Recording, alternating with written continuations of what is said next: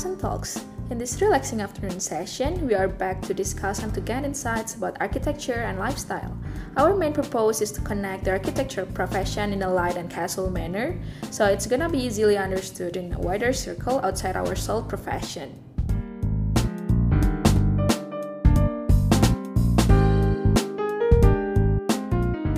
Assalamualaikum warahmatullahi wabarakatuh. Perkenalkan saya Dia Sentanu Wangi Segara. Um, jadi lanjut dari Pak Jo tadi yang sempat dibahas tentang Good Design Award, terutama uh, karya-karya yang memang kita kunjungin, uh, memang kejangkau lah um, pas timing yang pas, terus uh, dekat di area-area yang kita kunjungin. Kita ada tiga tempat yang um, sempat didatengin. Pertama itu Jinsa Sony Park uh, terus Bunkitsu Bookstore sama Starbucks Kyoto Ninenzaka. Yang dua di atas itu Jinza dan Jinza Sony Park dan Bunkitsu itu pemenang 2019 dan yang Starbucks Kyoto Ninenzaka itu 2018. Kita sempat ke sana. Uh, yang pertama itu Jinza Sony Park. Nah ini yang sempat dibahas sama Pak Jo barusan. Uh, posisinya ada di junction perempatan yang benar-benar rame. Jadi kalau misalkan uh, ini kan posisinya penyeberangnya itu pas masuk-masuk ya. Tapi kalau lagi uh, trafiknya lagi lagi hijau tuh yang mobil-mobil penuh tuh di trotoar sama di area-area taman uh, yang nunggu mau janjian, ada yang mau nyebrang, ada yang cuman uh, jalan-jalan, semuanya penuh di area sini. Um, kalau menurut saya sih ini kenapa bisa menang karena tadi sih uh, dia terbalik berpikirnya kalau misalkan memang yang lain itu bikin pencakar langit, nah ini dia malah dihancurin bangunan sebelumnya.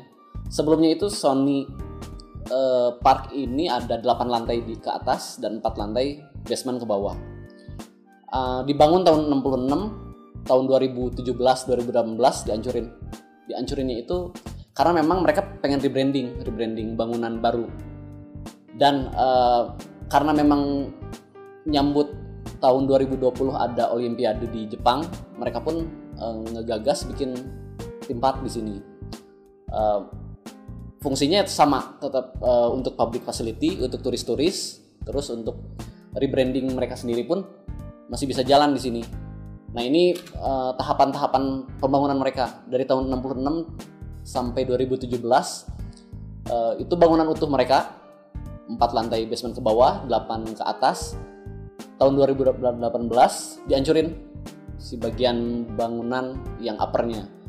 Yang lower tetap di ada cuman dikosongin semuanya diblongin dan dijadiin uh, area-area exhibition hall terus area collaboration space ada kafenya juga ada galeri bahkan ada eh, tempat-tempat uh, yang uh, bisa dijadiin apa ya kayak semacam bikin dibikin fun gitu. Terus yang lower parknya pun dijebol itu ada area parkir terus ada jalan masuk subway. Jepang kan penuh ya si, si kereta subwaynya jalurnya. Um, ke mana-mana tuh ada. Nah ini di, di basement mereka dijebol sengaja dimasukin uh, orang-orang si dari keluar dari subway. Bisa langsung ke basementnya mereka. Kenapa disengajain untuk uh, dijebol dan dimasukin? Karena itu strateginya mereka. Uh, mereka suruh masuk orang-orang suruh masuk dan di situ ngelihat ada sesuatu. Ada brandnya Sony ada brandnya uh, kolaborasi lain-lain ada acara. Secara tidak langsung itu jadi ngiklanin produk-produk mereka. Itu soft sellingnya mereka mungkin ya. Terus untuk bagian part di ground landingnya itu sama juga uh, taman terbuka yang uh, sebenarnya kosong tapi bisa dijadiin acara-acara terus ada uh, mobil yang van tadi itu bisa jadi siaran siaran radio terus ada Spotify terus ada coffee shop dan lain-lain. Itu uh, brandingnya mereka juga salah satu cara cara mereka nge-branding. Tahun 2020 um, akan dimulai lagi um, perencanaan yang vertikal ke atas. Kurang lebih sama 8 sampai 10 lantai ke atas yang direncanakan yang mungkin setelah tahun 2022 nah kenapa ditahan um, per pembangunannya karena itu tadi um, untuk apa ya untuk menyambut si Olimpiade Olimpiade tahun 2020 uh, dibikin theme park yang untuk untuk untuk menyaring orang-orang biar bisa masuk uh, terutama untuk turis-turis dari luar. Nah, tahun 2022 itu dibangun ke atas sama juga untuk uh, showcase-nya barang-barang Sony seperti fungsi-fungsi yang bangunan lamanya itu akan di, di, di uh, display di upper partnya itu tetap sama konsepnya uh, public facility orang-orang bisa terbu uh, bebas masuk tapi tetap mereka bisa uh, ngiklan produk-produk Sony mereka di sana. Nah ini mungkin uh, sedikit foto-foto yang sempat di, diambil uh, sambil keadaan capek jalan kaki bengkak. Um, pertama itu ada fan fannya si mobil siaran radio itu ditempatin di atas yang di landingnya di area luar. Terus turun ke bawah itu menuju subway sebetulnya. Tapi ada pas ada kebetulan acara bukan acara sih kolaborator dari Ghostbuster di situ Pak Jo sempat bikin video-video buat uh, keluarganya yang kayaknya agak aneh kalau misalnya ditampilin di sini. um, di bawah tuh kita agak aneh karena begitu turun niatnya mau ke subway atau ke uh, fasilitas lain langsung ketemu sama resepsionis. Oh, ada ya? Ada, ada resepsionis dan resepsionisnya ngeliatin ini mau ke mana nih orang. um, di bawahnya di bawahnya lagi banyak banyak area-area yang kosong masih kosong. Itu mungkin tujuannya untuk kolaborator kolaborator lain. Kalau misalkan mau uh, ngedisplay barangnya di sana tetap harus ada bawa-bawa nama Sony di situ. Nah um, itu yang uh, pembahasan jenis Sony Park. Dan yang kedua itu ada Bunkitsu Bookstore. Lokasinya ada di area Roppongi. Uh, ini kalau dari luar nggak kelihatan kayak toko buku. Kenapa? Karena ini jajarannya sama area komersil, toko pakaian, toko uh, kayak kayak mall, terus restoran. Nah, fasadnya pun sama. Ini kaca full uh, transparan, jadi kelihatan kayak bukan toko buku biasa, kayak galeri atau kayak restoran bahkan. Nah, uh, kita masuk ke sini tanpa tanya-tanya, langsung nyelonong Eh, dan memang karena terkesima dengan interiornya yang keren sederhana sebetulnya tapi nggak tahu kenapa enak dilihat gitu. Uh, begitu masuk ini ada display eh, buku-buku yang dijual memang. Terus di sebelah kanan itu ada resepsionis. Jadi kita begitu masuk di sebelah kiri ada rak-rak uh, buku yang dipajang sendiri-sendiri. Nggak kayak rak buku um, berderet gitu. Sebelah kanannya ada resepsionis untuk beli atau untuk uh, pesan ke atas, untuk ke library dan lain-lain. Ini kita foto setelah maju naik tangga, uh, naik tangga untuk ngelihat keadaan sekitar.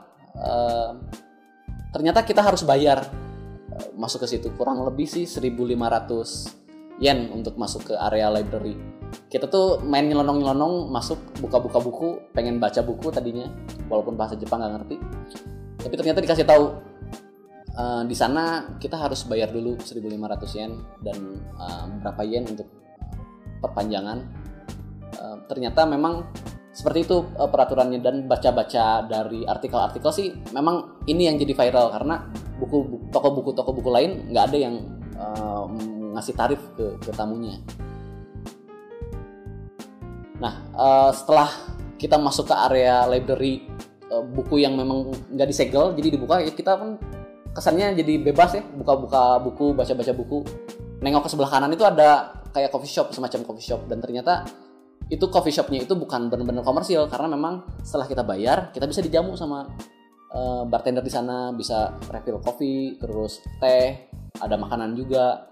Semuanya bebas di situ. Um, kalau nggak salah baca sih saya lihat kita bayar 1.500 itu bebas kapan pun mau kita beres ataupun uh, mau cabut itu nggak ada batasan waktu. Enak banget uh, layoutnya di dalam santai terus tenang ada area yang uh, lesehan sambil tiduran di beanbag enjoy banget lah. Um, si suasananya pun agak-agak redup gimana gitu tapi pencahayaan cukup karena memang spotlightnya uh, kayaknya cukup sih untuk uh, baca buku santai gitu untuk bukan untuk kerja yang berat Nah, uh, di area area depan di resepsionis sambil kita oh udah udah diingetin ternyata harus bayar ya kita pun cabut. Uh, sambil lewat ternyata ada mereka pasang displaynya Red Dot atau uh, Good Design Award untuk uh, di displaynya mereka. Ya mungkin kalau misalkan kita pun dapat ya bangga juga kalau misalkan kita pajang di area depan atau ada area kantor itu. Uh, kelihatan sangat eksklusif karena pas gitu pencahayaannya uh, akriliknya elegan terus ada tiba-tiba merah lingkaran bola yang merah itu terus um, posisinya pun walaupun kayak kayak sembarangan tapi orang-orang tuh langsung tertuju ngelihat gitu ke ke area si simbol uh, Good Design Award. Yang ketiga setelah kita um, dari Tokyo cabut ke Kyoto uh, kita jalan-jalan ke area uh, ini yang Kyoto Ninenzaka ketemu Starbucks. Kita pun sebenarnya agak kaget karena kalau misalkan dari luar bangunan Starbucks ini tuh nggak tidak mencirikan Starbucks pada umumnya. Karena setelah baca-baca pun ini Starbucks pertama di dunia yang uh, mengusung tradisional terutama tradisional Jepang uh, tatami kita dari jalan jalan dari subway turun jalan kaki menuju gang. Itu semuanya kiri kanan itu bangunan-bangunan tradisional Jepang Kyoto. Kalau misalkan uh, dulu non, pernah nonton Samurai X itu kerasa banget bangunan-bangunannya yang uh, zaman uh, Edo sama ya zaman Samurai X gitulah. Um, enak banget suasananya walaupun gangnya naik turun agak capek untuk menjangkau uh, si Starbucks ini tapi pas begitu masuk wah kita langsung langsung disuguhi sama bangunan yang tradisional benar-benar tradisional. Begitu masuk bangunannya kecil nggak gede. Uh, di dalamnya pun sempit.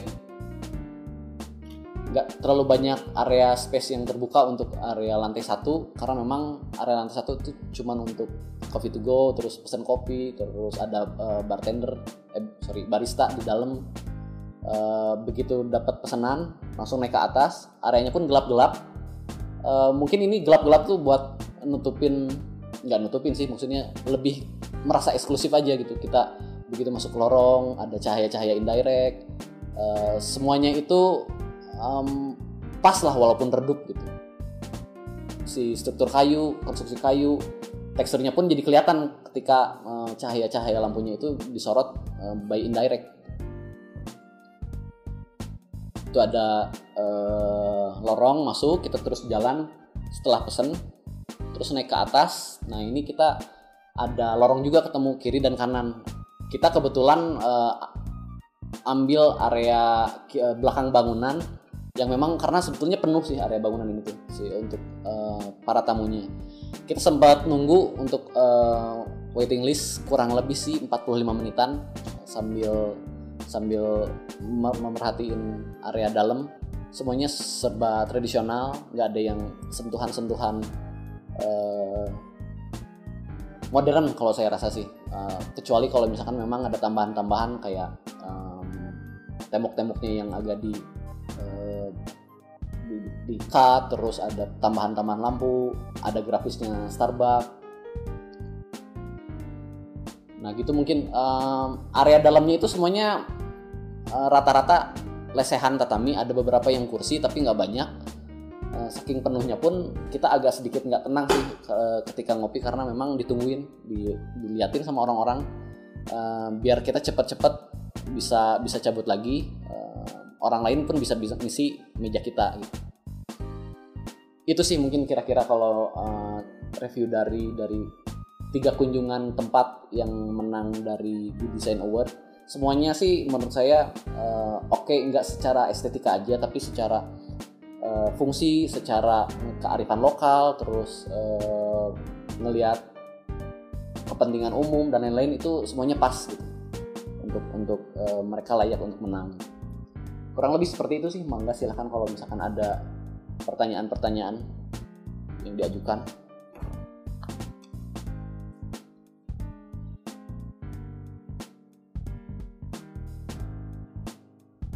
um, nah ini ada pertanyaan dari Pak Jo kayaknya agak susah ya. Bangunan apa di Indonesia yang menurut Pak Giat yang harus dapat GDA? Um, kalau misalkan ngerujuk ke yang penilaian tadi ada estetika 20%, terus ada fungsi 20% dan lain-lain itu terbagi hampir rata. Kayaknya arsitektur itu agak sulit kalau misalkan kita harus memenangkan bangunannya karena uh, arsitektur itu nggak sepenuhnya bisa dinikmatin sama semua orang, nggak bisa sepenuhnya dinikmatin oleh semua kalangan. Karena memang uh, agak sulit kalau misalkan kita apa ya uh, mengeneralisir karyanya itu untuk dinikmati bersama. Kecuali kalau misalkan memang uh, bentuknya bukan bangunan tapi public facility. Kayak kayak theme park atau uh, area terbuka. Atau misalkan memang yang uh, bisa nge-provide untuk orang-orang banyak. Nah, kalau misalkan bangunan seperti apa yang layak dapat, ya sepertinya sih yang harus bisa memecahkan masalah. Ya kayak Norhaus kan uh, salah satunya, walaupun memang nggak sempurna, makanya nggak menang Best Design Award karena memang tujuan utamanya kan um, kita masuk ke area-area yang uh, padat pemukiman terus terbatas juga area uh, projectnya kita pun ngedesainnya pun jadi terbatas karena um, view-nya pun kurang bisa dinikmati oleh oleh oleh uh, orang luar gitu kita bikin bagus-bagus tapi ternyata kehalang bangun-bangunan lain kan kurang kurang enak juga gitu uh, Norhas itu kan uh, kita ngedesain uh, supaya enak dari luar dan dari dalam pun uh, menjawab segala tantangan yang uh, ada di dalam pemukiman yang padat. Ya mungkin itu salah satu yang memecahkan masalah. Mungkin bangunan-bangunan lain yang memecahkan masalah pun layak untuk untuk dapat GDA. Gitu mungkin. Terus yang kedua itu dari uh, Mbak Vini. Kita bacain dulu kan katanya yang masuk Good Design Award desainnya memecahkan masalah dan dicakupan masing-masing terus ma masalah esensial yang dipecahkan di Bunkitsu Bookstore yang bikin dia masuk Good Design Award 2019 apa? Ini agak sulit sih. Uh, kenapa? Karena kalau misalkan memecahkan masalah uh, rasanya sih nggak tahu ya. Kalau menurut saya sih nggak hampir nggak ada masalah. Cuman mungkin inovasi yang mereka tawarkan ketika uh, mereka berani bikin bikin uh, bookstore yang beda dari yang lainnya. Banyak toko buku toko buku yang uh, mungkin bisa dibilang nggak laku terus buku-bukunya nggak terlalu banyak kejual uh, lama kelamaan toko bukunya pun tutup. Kalau si uh, bookstore Bunkitsu ini mereka beda sendiri. Mereka harus jadi kayak bikin bikin perpustakaan umum uh, dan berbayar. Kalau ya mungkin untuk orang-orang sana berbayar 1.500 itu nggak seberapa. Kenapa? Karena ya memang rata-rata sih sehari-hari segituan ya yang keluar untuk jajan-jajan nah um, saya baca beberapa artikel. Toko buku ini berani ngasih um, tarif ke pembaca tapi justru itu yang jadi daya tarik dan itu laku. Dan karena tarif itu menyelamatkan si toko buku Bunkitsu ini. Dibanding toko buku toko buku lainnya uh, Bunkitsu ini yang paling uh, profitable lah kalau bisa dibilang. Karena memang selain dari penjualannya dari operasional pun ketolong sama yang bayar-bayar untuk uh, nongkrong terus untuk baca-baca buku. Karena lumayan lengkap lah kalau misalkan dibilang uh, koleksinya. Saya baca-baca pun juga ada sekitar lebih dari 30.000 koleksi buku di sana. Um, hampir hampir penuh setiap setiap saat. Uh, karena bisa bisa sambil kerja bisa sambil baca-baca bisa sambil santai santai-santai yang tiduran tadi. Gitu sih mungkin menurut saya sekian podcast uh, Accent Talks kita sore ini. Uh, terima kasih buat uh, Pak Yanwar dan Pak Gea yang memberikan oleh-olehnya itu suatu hal yang tidak sangat sangat tidak ternilai. Uh, kita sangat menghargai uh, kerja kerasnya jalan kaki di Jepang itu pasti sangat berat. Gue ngerti itu